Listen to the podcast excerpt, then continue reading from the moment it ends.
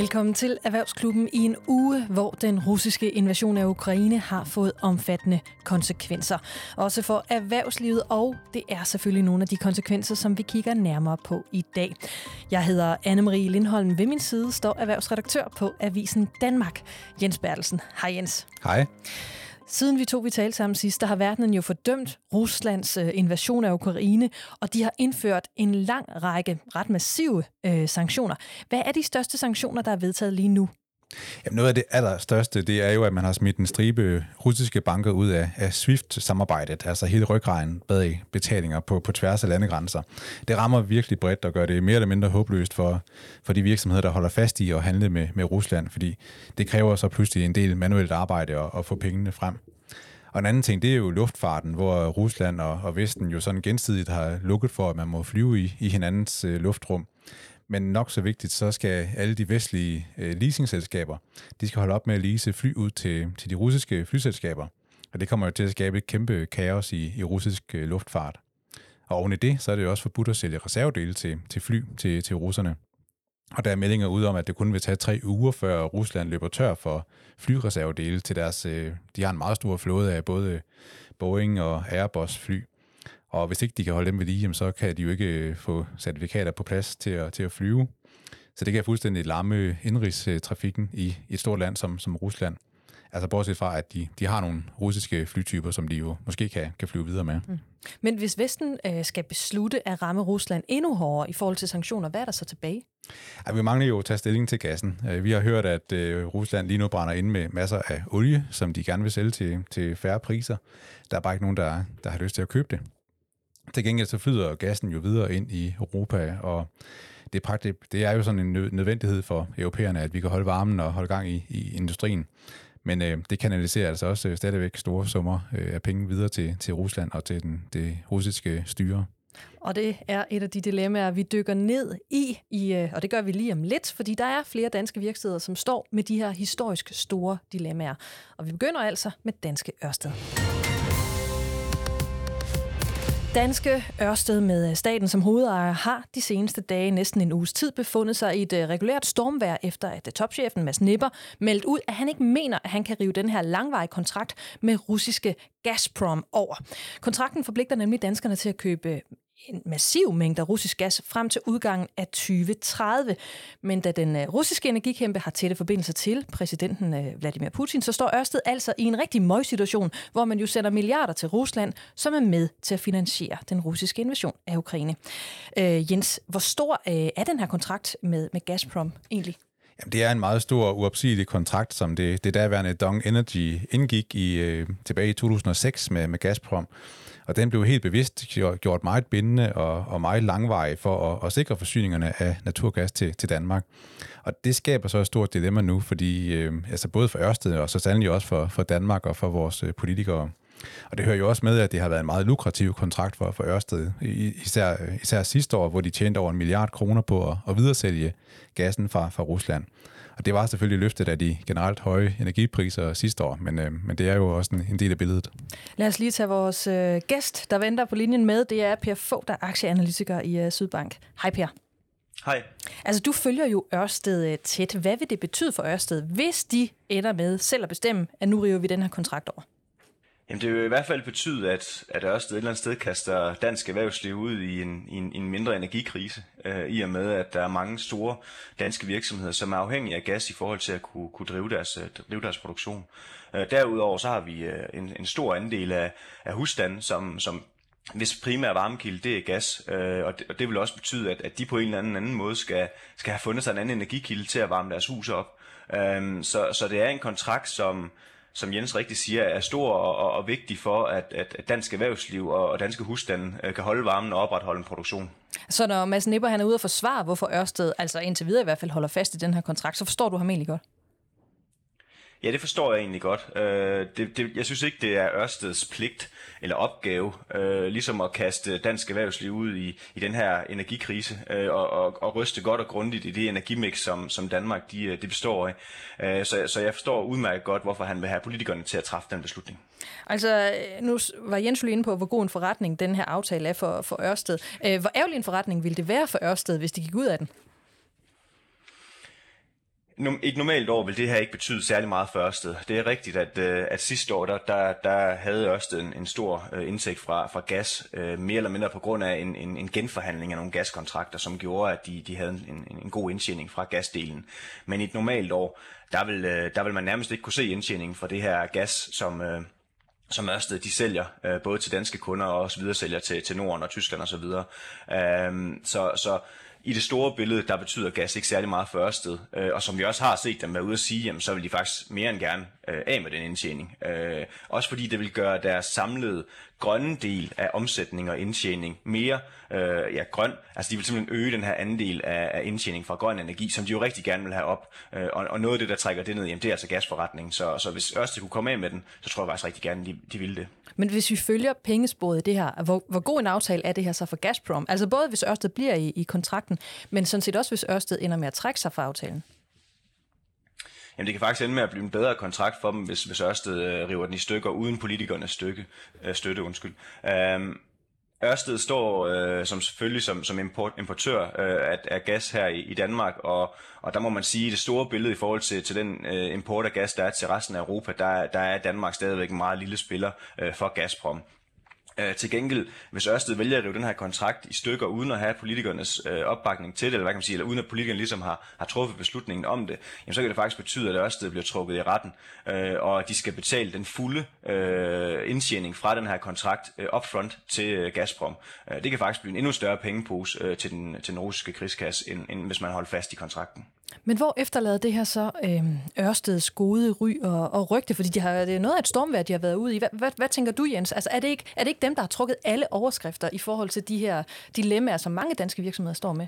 Jo, det må man sige, og det har også vist sig at være en meget svær sag at kommunikere øh, for dem. Øh, jeg tror, at hos Ørsted, der, de synes, det er lige ud af landevejen. Altså, det er ikke op til en privat virksomhed at afgøre, om danskerne skal skal, øh, skal fryse, fordi de har gasfyr, eller om industrien skal, skal lukke ned, øh, ligesom Per er, er inde på. Alle holder med Ukraine lige nu, og den her spontane reaktion i debatten, det er altså, at Ørsted bare koste, hvad det vil, skal komme ud af den øh, Gazprom-kontrakt. Så jeg kan godt være lidt bekymret på Ørsteds vegne om, at, at det her vil hænge ved som en, en møgssag for dem, øh, også længe efter øh, vi snakker om det her nu. Er du enig i det, Per? Ja, det kunne man godt frygte. Øh, jeg håber jo på, at at man får endnu mere øh, fokus på, at, at Ørsted faktisk kan være en afgørende spiller for, at vi kommer helt ud øh, og gør os uafhængige af de her russiske gas, ved at få sat flere vindmøller op, øh, flere landvindmøller, flere, mere solenergi. Øh, hele den her grønne omstilling, som EU nu endnu mere har fået øjnene op for, at vi skal have gang i, for at kunne løsrive os fra, fra Rusland og den, og den russiske gas. Jamen, hvorfor er det ikke det, vi har fokus på øh, i forhold til Ørsted? Øh, de er virkelig en markedsledende spiller på det her, og, og vil kunne bidrage til, at, at, at Europa bliver, bliver frigjort fuldstændig fra den russiske gas. Og hvis vi, vi, hvis vi ender der, hvad, hvad betyder det så? Altså hvis vi ender med, at, at inden vi enten får ophævet den her kontrakt, eller når kontrakten den ophører, så får vi ikke mere øh, gas fra Rusland. Hvor står vi så henne i forhold til, ja, og, til de her forsyninger, vi jo trods alt stadigvæk har brug for? Ja, det vil jo kræve, at, at der bliver købt gas ind fra, fra det frie marked et eller andet sted, og det, det vil stadigvæk være russisk gas. Øhm, så så når, når kontrakten bliver ophævet, eller, eller den udløber, eller så videre, jamen hvis vi ikke har fået omstillet vores energimix til at, ikke at, udgøre, at gas ikke udgør en betydelig del, jamen så vil vi stadigvæk skulle ud og købe det på det frie marked, og der vil det også langt overvejende komme fra Rusland. Øhm, så, så det vil altså kræve en generel omstilling af hele energimixet i Danmark, før vi kan frigive os helt fra, fra Rusland. Og så helt øh, lavpraktisk, så, som vi også lige har været inde på, ikke? altså Mads Nipper har været ude og pointere, at hvis den her kontrakt den skrives over, så skal det jo være politikerne, der tager den beslutning, og ikke ham selv. Men hvis politikerne ender med at beslutte det, hvad betyder det så for, for, for Ørsted? Altså ved vi noget i forhold til, hvordan de står kontraktuelt i forhold til det her? Det må være dig, der tager den, Per. Øh, som jeg lige er oplyst, så er der en, en force majeure øh, klausul i den her kontrakt, som gør, at hvis øh, politikerne øh, i Danmark, men endnu øh, hellere gerne øh, i hele EU, går sammen om at forbyde import af, af russisk gas, jamen så kan Ørsted faktisk komme ud af den her øh, kontrakt, øh, givet øh, den her force majeure-klausul. Øh, så, så hvis politikerne går ind og træffer den beslutning, jamen så vil, det, så vil det faktisk hjælpe Ørsted til at kunne komme ud af, af kontrakten, øh, også med, med skinnet på næsen i forhold til, at så bliver der ikke sendt flere penge øh, til den russiske krigsmaskine. Men konsekvenserne af det er jo så bare, så står vi uden det gas. Det vil det være, ja. ja. Og, og, og vi vil stå i en kattepine i forhold til, at så vil vi skulle ud og købe gas på det frie marked, og som jeg nævnte for tid, tidligere, så er det også fra Rusland langt det meste af det kommer. Øhm, så, så, så det vil være en kattepine uanset hvad. Er der nogen af jer to, der tør øh, konkludere, altså hvad det her det får betydning på den lange bane for alle de virksomheder, der er handel med Rusland i dag, og som står i samme kattebine, som, som Ørsted øh, står med? Hvad, hvad tænker du, Jens? Jeg tror at de holder krisemøder på et langt højere niveau, end, end, øh, end vi hører om. Øh, vi er en uge inde i, i krigen nu, og, og, og som virksomhedsleder, virksomhedsleder, der skal man jo tage højde for, at, at der kan jo komme en våbenhvile, og så kan situationen se, se anderledes ud. Men, men dem, der er meget aktive i Rusland, de er jo nødt til at have en plan for, hvad de ellers skal gøre. At Det er jo helt vildt at tænke på, hvis vi skal til at betragte Rusland på samme måde som, som Nordkorea. Øh, fordi så er det jo, så skal man have afviklet øh, alt, hvad man ejer i, i, i Rusland. Hvad tænker du, Per? Jamen, der er ingen tvivl om, at der bliver lagt, der bliver lagt kriseplaner og holdt krisemøder øh, pt. i mange, af de, øh, i mange af de selskaber, som har aktiviteter i Rusland nu. Som en del af opgaven i, i at være aktieanalytiker, så har jeg også snakket med alle mine selskaber i forhold til, hvordan de er eksponeret i, i Rusland, Ukraine, øh, Belarus for den sags skyld også, øh, som jo støtter op omkring den russiske invasion af, af Ukraine. Og der er ingen tvivl om, at, at selv de er, er stadigvæk meget i tvivl om, hvordan, øh, hvordan det her sådan helt lavpraktisk kommer til at, kommer til at påvirke dem. Øh, der er selvfølgelig de åbenlyse, som har aktiviteter øh, i landene, øh, som, som har øh, skulle beskytte deres medarbejdere, flytte dem rundt, øh, sørge for, at, at, at de ligesom kunne øh, gå fri af, af den her forfærdelige situation øh, i Ukraine.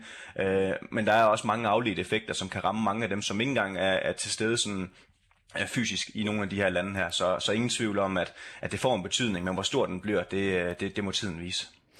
For nu så øh, lader vi den ligge. Vi bliver garanteret klogere, som ugerne de går. PFO, aktieanalytiker i Sydbank. Tusind tak, fordi du er med i Erhvervsklubben igen.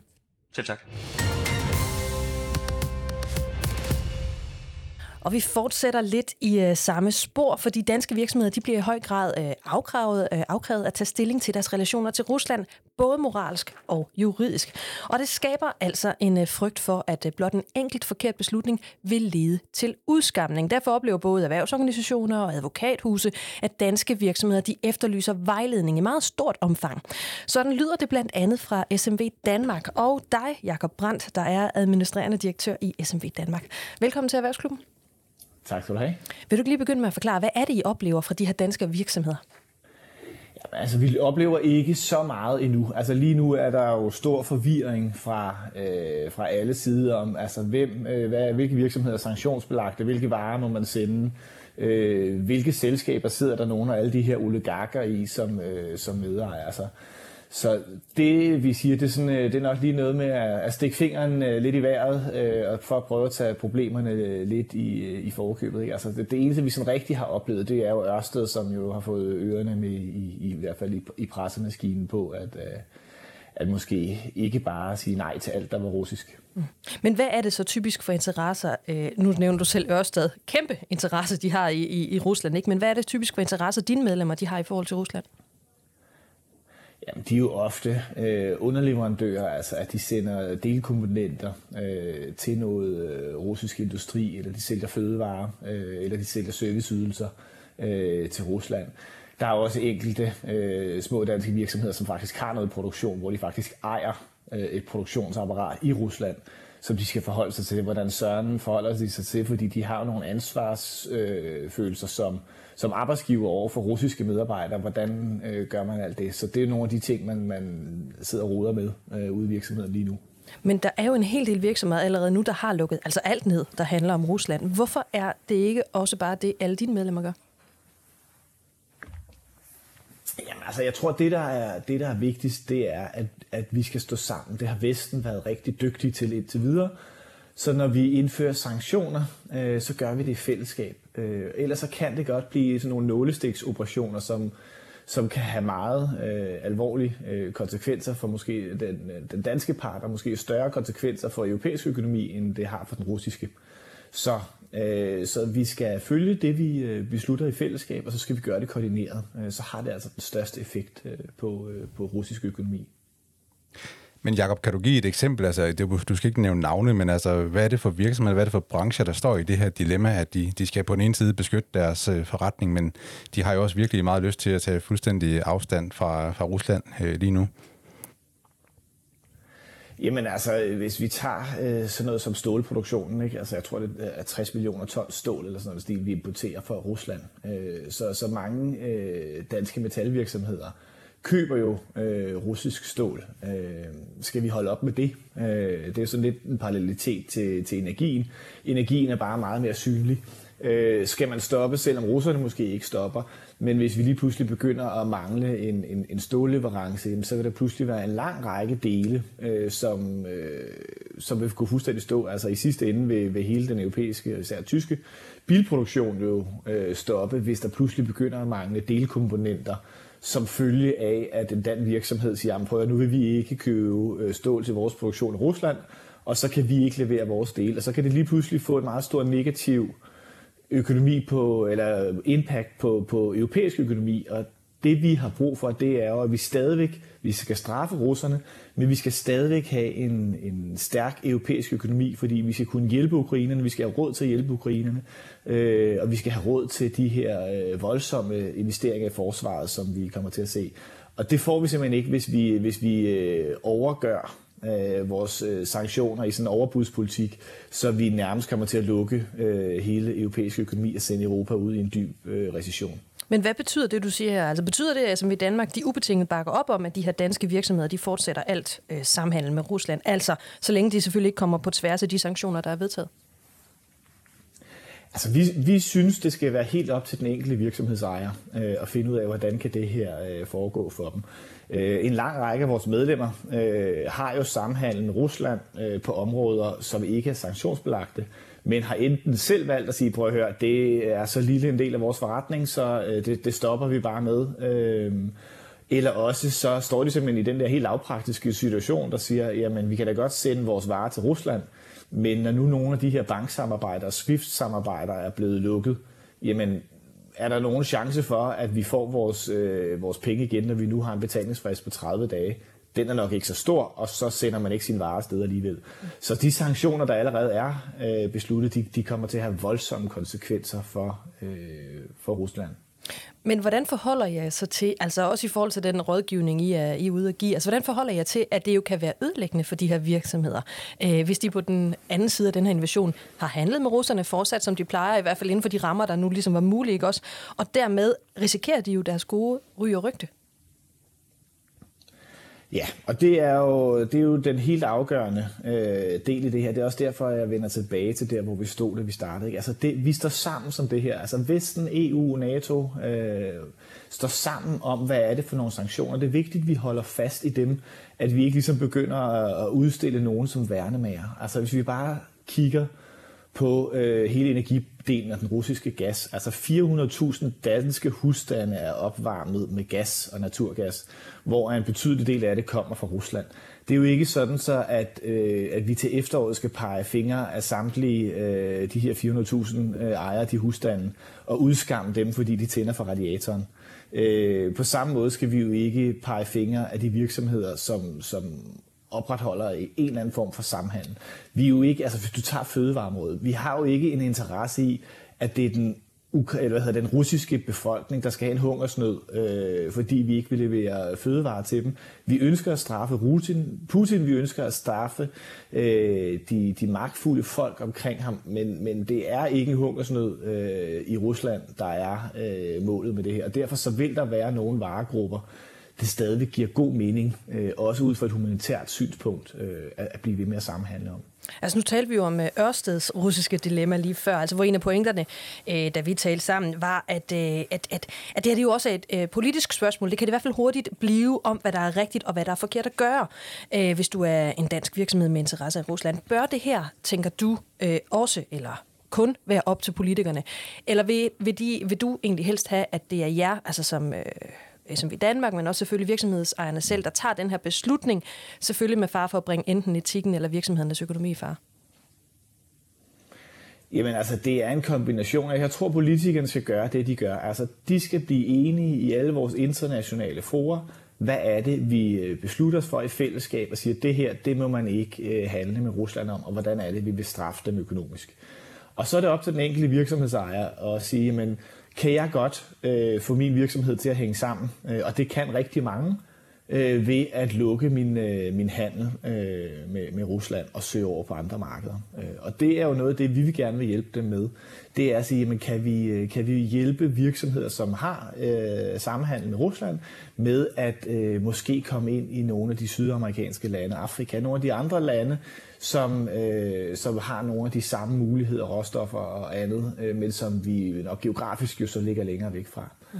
Og der har vi set, øh, der har vi sådan set også set samfundet øh, tidligere gå ind og hjælpe. Altså i forbindelse med, med Brexit, øh, der har, den, der har man fra dansk side sat 775 millioner kroner af til at hjælpe virksomheder, som har haft England øh, som eksportland til at komme ud på nye markeder. Altså det samme tror jeg både vi som erhvervsorganisation, men vi også se Udenrigsministeriet hele øh, eksportrådet øh, hjælpe virksomheder med at sige, måske er det nok nu, man skal prøve at søge væk fra Rusland på den lange bane, fordi der er jo et her nu billede, som siger, jamen nu skal vi stoppe noget for Rusland, men, men der vil ikke være mange vestlige virksomheder, når de har mulighed for at trække sig ud af de kontrakter, de har nu, der har lyst til at samhandle med Rusland. Og derfor så skal vi hjælpe virksomhederne med at søge over på nye markeder, for at virksomhederne kan holde deres omsætning, men også for at vi har øh, veldrevne virksomheder i Danmark, som øh, skaber den velstand og det overskud, som vi har brug for, for at øh, have det velfærdssamfund, vi har i Danmark.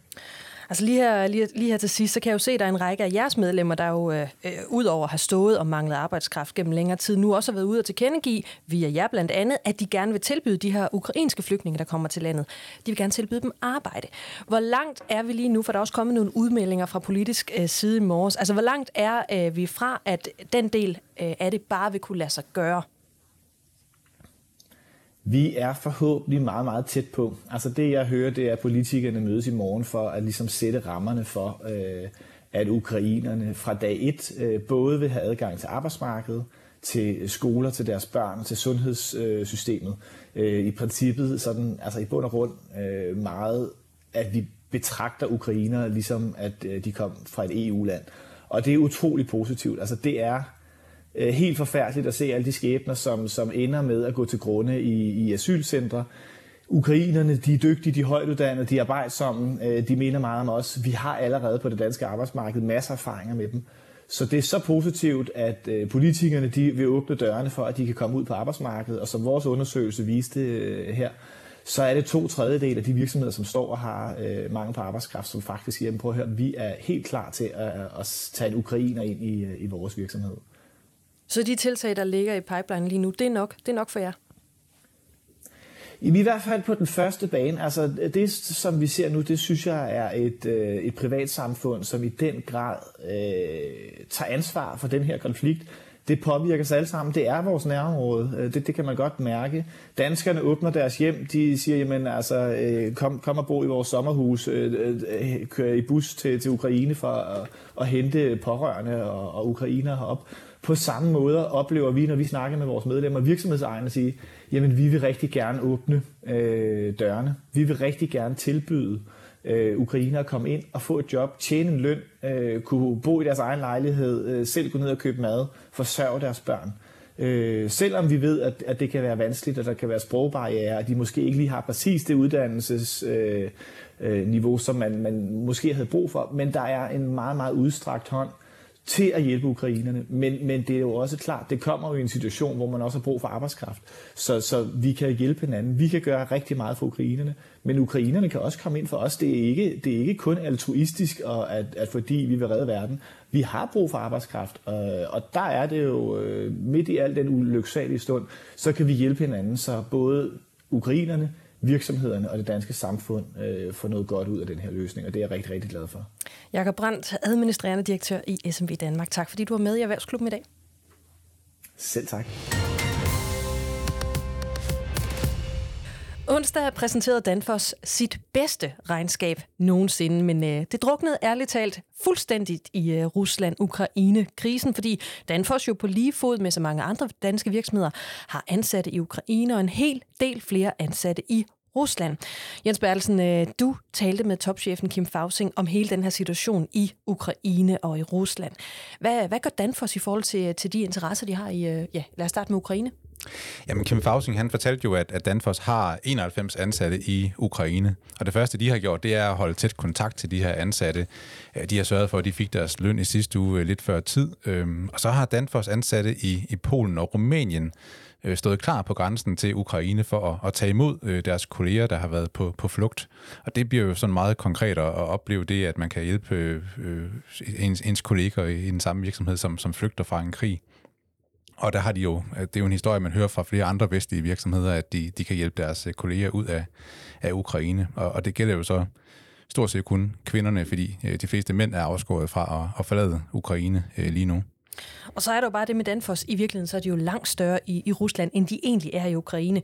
I Rusland der har de 1300 ansatte. Hvad har, hvad har de foretaget sig der indtil videre? Jamen, der er lukket og slukket i, i Rusland. Øhm, siden i mandags, der har Danfoss øh, lukket for nye ordre. Øh, de sender ikke varer ind og ud af, af Rusland. De har to fabrikker derovre, og de er, øh, de er lukket, fordi de har ikke materialer at, at arbejde med. Og så venter de jo bare. Øh, de, de aner ikke, hvordan sanktionerne ser ud på, på lidt længere sigt. Øh, om det overhovedet kan lade sig gøre at have så stor en, en forretning øh, i Rusland. Og øh, altså, kan man overhovedet være der øh, i, i, i fremtiden på den måde? Så det er et kæmpe dilemma for, for Danfoss. Der er ingen tvivl om, at de føler et stort ansvar for de her 1300 ansatte, og som jo på ingen måde har noget øh, at gøre med krigen direkte. Øhm, og så samtidig skal de, så, skal de jo også øh, forsvare over for offentligheden og være så dybt integreret i, i Putin-land, kan man sige. Lad os lige høre et lille klip, som du, øh, du optog i går, da du talte med Kim Fausing, hvor han jo sætter ord på, hvad Danfoss prioriterer i forhold til de aktiviteter, de har i Rusland. Det knaser lidt, men vi tager lige lydklippet ja. alligevel. Altså, altså jeg tror, øh, altså, det, det, det, al respekt for alle de aktiviteter, der er, men altså, vi har 1.300 medarbejdere i, i Rusland, og, og det er vores ansvar, og dem tager vi os af. Vi tror, at vores image det ligger i, at vi aldrig lader folk i stikken i Danfoss. Vi er et team, og vi hjælper hinanden, og også de specielt de med medarbejdere, der nu er i en svær situation, og det er det, Dan forstår for. og det tror vi, det skal være en del af vores image, så, så det er også den måde, vi agerer på. Hvad, hvad er det egentlig, han siger her, Jens? Altså vil de fortsætte med at handle med, med Rusland? Ja, de kan ikke træffe så store beslutninger lige nu. Altså, det er jo en øh, reel nedlukning, de har foretaget med, med virkning fra, fra i mandags. Øhm, og det er klart, de kan sådan set ret hurtigt komme i omdrejninger igen jo og de har lovet, at de, de betaler jo løn til, til, til de ansatte i, i Rusland. Men, øh, men sådan større øh, strategiske beslutninger om, om fremtiden i Rusland, der er vi ikke, ikke endnu. Der er vi kun øh, en uge inde i, i den krise her. Ja, vi har jo set, at industrikæmpen Grundfos i slutningen af januar, de, uha, de, øh, de indgik en aftale med Rusland til 200 millioner øh, kroner. Det er jo virkelig ikke så lidt. Kan vi øh, sammenligne de her to virksomheder, som jeg jo i hvert fald en gang mellem ynder at gøre, altså Danfoss og Grundfos, i forhold til, hvor store de er i Rusland? Det er i hvert fald begge to virksomheder, der har en lang historie i, i, i Rusland. Øhm, de har mange år i kundeforhold, og Rusland har været glad for øh, begge virksomheders produkter, så den her højteknologi, de, de kommer med, og som, som leverer meget af det, som, som Rusland har, har brug for i, i sådan deres øh, gamle huse og sådan. Øhm, og man kan også sige, at begge virksomheder er jo ikke uvant med at arbejde i, i lande, hvor der er sådan politisk uro. Men det her det er jo langt ud over, hvad man, hvad man har set før på den måde. Men kan man så sammenligne dem i forhold til de overvejelser, de må gøre sig lige nu? Jamen, de har begge to valgt at lukke ned i, i Rusland. Altså, dels fordi forsyningerne til og fra Rusland bare er, er ophørt, men også fordi det sender et vigtigt signal om, at, at man ikke arbejder videre, som om der ikke øh, var sket noget som helst i, i Rusland. Men det er, jo, det er jo dyrt for begge virksomheder, det her. De, de taber penge. Øh, de risikerer også deres øh, markedsposition, hvis det her det trækker ud, og det, det gør det jo øh, formentlig. Øh, begge virksomheder har store kinesiske konkurrenter. Øh, hvis de øh, kineserne, hvis de flyver under radaren og, og fortsætter deres forretninger med Rusland, jamen så kan Danfoss og Grundfos jo, jo miste nogle af de fordele, de, de har ved at have været så, så dybt integreret på det, på det russiske marked. Vi er også lige nødt til bare at knytte et par ord på det regnskab, øh, der kom fra, fra Danfoss. Altså, hvad er årsagen egentlig til, at de har leveret det her rekordregnskab? Jamen, der er i hvert fald en ting, der fylder rigtig meget. Det er, at de øh, sidste år overtog uh, Eaton, uh, Eatons hydraulikforretning. Eaton er sådan en stor uh, global teknologivirksomhed, der blev grundlagt i USA og har hovedkvarter i, i Irland. Øh, og det Danfoss øh, mod, øh, overtog, det var med 10.000 ansatte efter en meget lang proces, som blev forsinket af corona. De kunne ikke få godkendelser på, på plads fra konkurrencemyndighederne, men, men det lykkedes altså sidste år, og det begynder virkelig at kan ses i deres øh, regnskab. Men udover det, så voksede de faktisk også øh, organisk, altså på deres, sådan, den gamle forretning, med øh, 18 procent, og det er ret godt gået, når man har deres øh, størrelse. Og det er især efterspørgselen efter bæredygtige løsninger. Øh, når man taler med Danfoss folk, de taler altid om energieffektiviseringer. øh, som en sådan, det er sådan en genvej til, til grøn omstilling, mm. hvor man kan tage sine gamle huse og så renovere dem, øh, så de bliver energieffektive. Og det er, det er sådan set en, en, øh, en virkelig god ting, og hvor Danfoss har en masse produkter, der, der lige præcis øh, kan bruges til det. Og det bærer altså frugt nu, fordi investeringslysten i, i verden er, er bare stor, når det kommer til, til den grønne dagsorden. Men, men kommer krigen mellem øh, øh, Rusland og Ukraine så til at spænde ben, altså for den her optur? Jamen det spurgte jeg også øh, Kim Fausing om. Altså øh, krig i Europa, risiko for økonomisk tilbagegang, øh, usikkerhed i det hele taget. Man kan godt tro, at nogen holder igen med investeringerne, bare for at, at være forsigtige. Men altså, øh, Kim Fausing, han, øh, han anerkender den her usikkerhed, men man må også sige, med de energipriser, vi ser lige nu, jamen, jamen, så er appetitten efter at spare på energien, den er altså ikke øh, blevet mindre. Så den tid, det tager at tjene en investering hjem, øh, den er måske halveret lige nu i forhold til for, for halvandet år siden. Så det kunne godt tyde på endnu et godt år for, for Danfoss. Du kan få meget mere erhvervsstof fra erhvervsredaktør Jens Bertelsen og alle de andre journalister på Avisen Danmark ved at klikke dig ind på avisendanmark.dk. Det har været endnu en uge på aktiemarkedet, der bestemt ikke har været kedelig. Lad os lige uh, tage et kig på det, vi ved, og det, vi tror, der venter, og det gør vi sammen med Jakob Pedersen, der er aktieanalysechef i Sydbank. Hej Jakob. Hej hej. Sikke, sikke en uge igen, igen, igen. Altså, hvilken, uh, hvilken følelse tror du, investorerne de sidder med lige nu?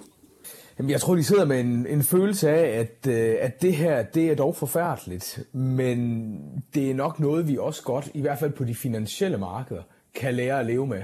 Det er i hvert fald lidt det udtryk, vi har set på, øh, på aktiemarkederne rundt omkring i verden. Altså, øh, i, her i Europa, det er jo nok den, den, den af de store regioner, som, som kan blive hårdest ramt af det, der foregår i, øh, i Ukraine. Og, og der er aktierne altså kun faldet med, med små 2% siden øh, Putin han startede invasionen. Øh, og det er jo ikke, det er jo ikke på nogen måder øh, panikagtigt, ligesom man måske kunne have frygtet. Vi har haft rigtig dårlige dage, men de er også blevet efterfulgt af rigtig gode dage. Og det er jo alt sammen meget godt, men hvis vi så lige tuner ind på det russiske marked, det er ikke lige helt det samme, der foregår der. Kan du ikke lige sætte et på på, hvad er det, der er sket her i ugens løb? Jamen, der foregår jo egentlig ingenting på det russiske aktiemarked, for det er lukket. russerne, russerne har, øh, har jo, har jo øh, gjort alt, hvad de overhovedet kunne for at forsvare rublen. Det har ligesom været, været nummer et uh, prioriteringsmæssigt fra den russiske centralbank. Øh, fordi øh, øh, det kollaps, vi i forvejen ser på rublen, øh, det gør så ondt på økonomien, at det, og det vil bare blive forstærket, hvis, hvis alle øh, udenlandske investorer fik lov til at sælge russiske aktier. Så aktiemarkedet over har været lukket, og vi ved ret beset ikke præcis, hvornår øh, det her aktiemarked det, øh, det åbner igen. Men vi har jo kunnet se øh, hvad det er, der er i vente på nogle af de aktier. Nogle af de største russiske aktier, de handler også på børsen i London og, og af skal jeg lige love for, det gør altså ondt. Altså, det, er jo, det er jo aktier, som er faldet med 50% flere dage i træk.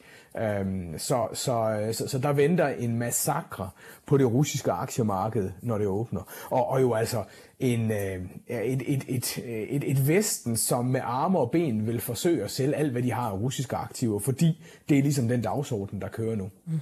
Og hvad hvis vi kigger meget bredere, altså vi kigger ud på resten af aktiemarkederne, hvor, hvor, hvordan er de? Altså nu har du lige rundet det europæiske, ikke? men hvad med resten?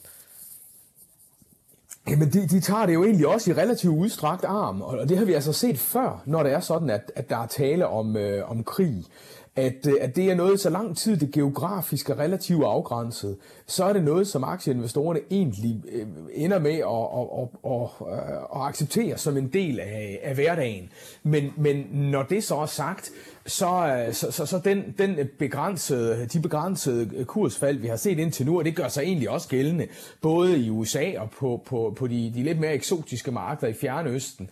Øhm, det, det er jo nok en, en status, som vi må forvente, altså at den ro, der er lige nu, at den trods alt kun er til låns. Mm. Øh, det vil være mærkeligt, om den her konflikt, den bliver, bliver afblæst, eller den her krig bliver afblæst, inden der, der igen sker en eller anden form for, øh, for optrapning. Og, og, og det, er, det er også derfor, at, at øh, investorerne må belave sig på en periode med nogle rigtig store udsving. Er det ikke sådan, at vi, vi siger, at, at investorerne skal, skal, løbe, skal løbe ud af aktier? Det mener vi bestemt ikke er, er, er, er tilfældet. Men, men, men herhen over de næste uger og måneder vil der efter alt at dømme være en overvægt af rigtig dårlige dage i forhold til de rigtig gode. Og apropos det, altså, så kigger vi lige på det danske C25-indeks, fordi uanset øh, de pointer, du kommer med her, synes jeg, det har set, set strenge ud igen de fleste dage i løbet af den sidste øh, uges tid faktisk, de sidste måneder. Hvor er vi henne i forhold til det danske C25-indeks lige nu?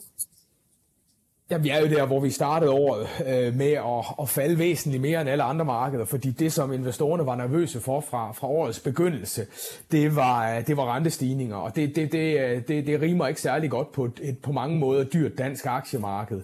Øhm, til gengæld så har vi faktisk set efter krigen, at de danske, efter, efter invasionen skal man sige, at, øhm, øh, at øh, de danske aktier har klaret sig væsentligt bedre end andre aktiemarkeder ude i verden. Og, og det er jo fordi, at, at investorernes fokus skifter fra, fra de her rentestigninger, der går ind på de dyreste dele af aktiemarkedet, til hvor kan vi gå i, i sikkerhed i forhold til det, der sker ude i verden nu. Og, og, og der må man sige, at, at særligt gennem coronakrisen, der viste de danske selskaber altså en formidabel evne til at tilpasse sig, til at finde løsninger, til at være omstillingsparate, øh, til at håndtere uforudsigelighed. Og det er nok noget af det, som investorerne, og den kvalitet, som investorerne vender tilbage til øh, i det danske aktiemarked, øh, fordi øh, det er et, vil jeg sige, krigsresistent marked i forhold til, hvad vi ser mange andre steder. Så de danske aktier er faktisk øh, har klaret sig markant bedre end andre aktiemarkeder siden, siden øh, krigen startede. Jakob, hvordan øh, synes du, at de danske aktier, der sådan er mest eksponeret mod øh, Rusland, hvordan har de klaret sådan den sidste uges tid i forhold til at, sådan at skabe ro om deres virksomheder og forklare, hvordan de stiller sig over for hele situationen i, i Rusland? Jeg, jeg, jeg synes egentlig, at det, det, det her er en svær opgave. Vi, har, vi er lige i gang med at ringe rundt til mange af de her virksomheder og snakke med dem om, hvad de gør. Og der er jo ikke nogen virksomheder, der kan have det fulde overblik over, hvad det her det får af betydning. Vi har set nogle af de virksomheder, der har aktiviteter i Rusland, blandt andet Vestas, være ude med kommentarer om, at, at de stopper alt nysalg. Øh, men, men, men de har jo produktionsfaciliteter i, øh, i Rusland, par, par fabrikker. Og, øh, og derudover så har man nogle projekter, som man allerede er i gang med at, og, og, og gøre færdige. Og, og, og skal man stoppe med dem, eller skal man ikke stoppe med dem? Øhm, øh, øh der, er nogle, der er nogle meget, meget svære beslutninger for virksomhederne. Vestas gør det arbejde færdigt, som man har i, i Rusland. Det er i hvert fald den officielle melding her nu. Men, men man tager altså ikke nye ordre ind fra det her marked. Og det her det er jo en ting, altså de virksomheder, der, der kredser omkring øh, øh russerne, ikke? altså har interesser i, i, øh, i Rusland. Det er noget, vi har talt rigtig meget om i øh, hele podcasten øh, i dag. Men der er også alt det andet, ikke? altså nogle af de øh, virksomheder, danske virksomheder, som, som jo kommer til at lide under de her høje prisstigninger på olie. Altså benzin, gasprisen, de er steget med 40 procent. Det er også noget, de danske forbrugere kan komme, øh, kan komme til at mærke. Altså hvor efterlader det her, ja virksomhederne, men også investorerne, både på den korte og lidt længere bane, at vi står med så høje energiudgifter? Jamen altså, det, det, det er klart, det efterlader forbrugerne øh, ramt, fordi de får færre penge til at bruge på, øh, på varer, på serviceydelser, øh, og det efterlader også virksomhederne med en større regning og potentielt mindre salg. Øh, så, så det her, det er noget, som vil kunne mærkes, og, og, og, og de øh, indtjeningsoverraskelser, der egentlig var lagt op til, på det europæiske marked i år. Øh, dem, øh, det dem er der i høj grad sat, øh, sat spørgsmålstegn ved nu. Det her det kommer til at, at præge væksten i, i Europa. Det, det er der slet ingen tvivl om, men, men det kommer også til at, at betyde en helt ny dagsorden politisk, hvor det er sådan, at centralbanker og politikere har kunnet bruge de sidste mange, mange år på at holde forbrugerne og, og, og, og hvad hedder det, vælgerne glade, så er dagsordenen altså forandret fuldstændig nu. Nu, øh, nu, nu, nu er vi i, i en form for kriseøkonomi. Nu er det militær oprustning, det er sikring af energiforsyningen, som får prioritet forud for alt andet. Øh, sågar formentlig også bæredygtighed, selvom en del af, af sikringen af energiforsyningen selvfølgelig også vil, vil gå hånd i hånd med en, en stigende bæredygtighed. Så det er en helt ny politisk dagsorden. Og det kan også godt betyde, at der bliver åbnet mere op for de finanspolitiske sluser. Altså at, at, øh, at, at landene rundt omkring i Europa vil, vil komme komme til at køre med større underskud på deres statsfinanser og bruge flere penge. Øh, og, og, så så, så, så der, der er i og for sig både, både positive og negative sider ved det her, men, men klart for virksomhederne øh, så over en bred kamp er det her negativt. Men er, er det priset ind, som du ser det, altså de her øh, gigaprisstigninger på, på energiudgifter. Er det priset ind i, øh, i aktierne, øh, aktiekurserne hos de her selskaber, der er, der er meget øh, tungt ramt i forhold til at skulle betale prisen for det? Det, det, det, det, det er jo en, en sandhed med modifikationer, fordi altså, det, det, det, det er svært at sige, for der er så meget, så der er så bredt et spektrum af de her aktier.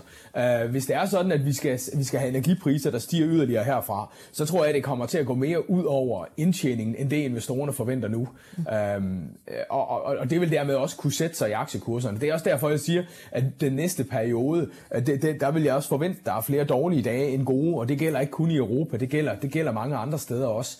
Um, så, så, så det, er, det er ligesom det billede, som, som vi kigger ind i. Jakob Pedersen, aktieanalysechef hos Sydbank. Tak fordi du var med i Erhvervsklubben igen. Velbekomme da. Sanktionerne mod Rusland har ramt et øh, hav af virksomheder verden over. Tirsdag gik det så ud over selskabet bag gasledningen Nord Stream 2 i Schweiz. For tirsdag der erklærede selskabet sig konkurs og fortalte øh, i samme ombæring, at alle 106 medarbejdere de er blevet fritstillet, fordi det her russisk finansierede selskab er løbet tør for penge. Jens, øh, lige her til sidst, hvad betyder det egentlig for selve projektet, altså Nord Stream 2, der jo var tiltænkt i hvert fald at skulle forsyne Europa med gas fra, fra Rusland via Tyskland? Jamen, det er jo bare endnu et bevis på, at det projekt er fuldstændig dødt. Altså, der ligger 1200 km, km rørledning hele vejen fra St. Petersborg til, til Tyskland på, på havbunden, som var klar til at blive taget i brug. Den har kostet 75 milliarder kroner og skulle jo sikre øh, Tyskland og, og det europæiske gasnet sådan en stabil forsyning af, af gas øh, fra, fra Rusland. Øh, og dødstedet, det kom jo i sidste uge, da øh, Olaf Scholz, den tyske kansler, han øh, stak en kæppe i hjulet på den godkendelsesproces, der sådan lige var det sidste, der manglede for at, at sætte gang i, i Nord Stream 2. Men, men helt generelt, altså hvor svækket er gasforsyningen til Europa lige nu? Fordi en ting er prisstigninger, men når alt er lukket ned, Rusland er sanktioneret, der kan være mere på vej. Altså vi kan næsten ikke forstå, hvor, hvor vildt det faktisk er, det der sker lige nu. Bliver gassen så til at betale for, når vi kommer lidt længere hen på sæsonen? Ja, der er jo en, en sæsoneffekt, men altså helt ærligt, så er alle bolde jo bare kastet op i luften lige nu. Øhm, alle har jo sådan set lyst til at afbryde gasforsyningen fra, fra Rusland til Europa, hvis man overhovedet kan finde andre løsninger. Øh, det kan jo også være, at det sker fra russisk side, hvis Putin er vanvittig nok, og han vil straffe europæerne, selvom det vil koste ham virkelig store øh, indtægter. Der kan jo også ske sabotage af de her rørledninger, der allerede er i drift.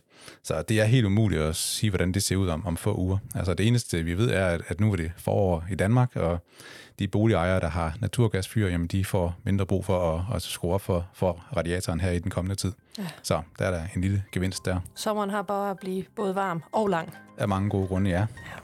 Det var alt fra Erhvervsklubben i denne her uge. Jens og jeg, vi er tilbage igen næste uge, samme tid, samme sted. Jens Bertelsen, erhvervsredaktør på Avisen Danmark. Tak for den her gang. Ja, selv tak. Og til dig, der lytter med. Vi høres ved igen i næste uge.